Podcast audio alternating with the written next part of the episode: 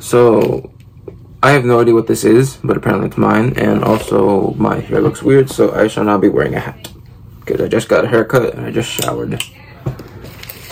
And if you can tell, I literally just woke up. How do I do this without damaging it? I just cleaned this and sharpened it, so Hey, actually cut. Oh, oh, I know what this is. Wait, it's still July. How the fuck did I just get this? Cause, cause when I ordered it, it said it would come like August, um, August 29th. It is very much July 31st. Like, look how, like, it's just all tape upon tape upon tape. And there we go. Man. This really looks like something I would do, so I can't really say much. Okay. One more. Okay. Hey. Oh my god, there's more. I just cleaned this and now I gotta clean off all this residue later.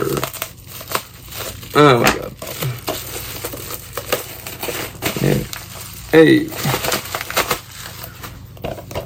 I finally got the second one after like so long because on Amazon it was like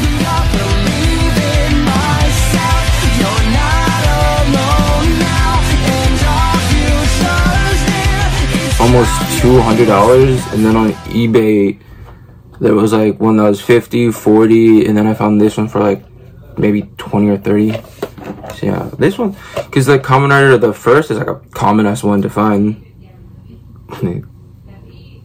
this one's like hard to find. Um, oh, it's like the other ones.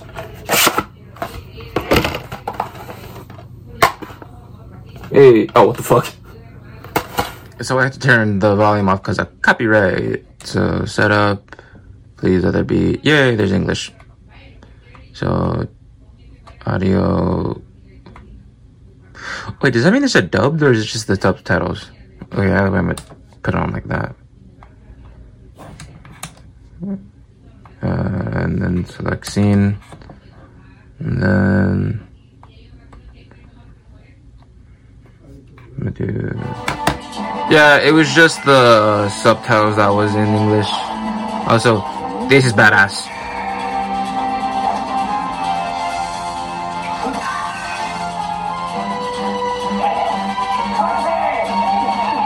You can try, but you'll fail. Yeah, that was it. This took like me forever to find the Kamen Rider the next kind of DVD. took me like fucking forever, and I'm glad I have it.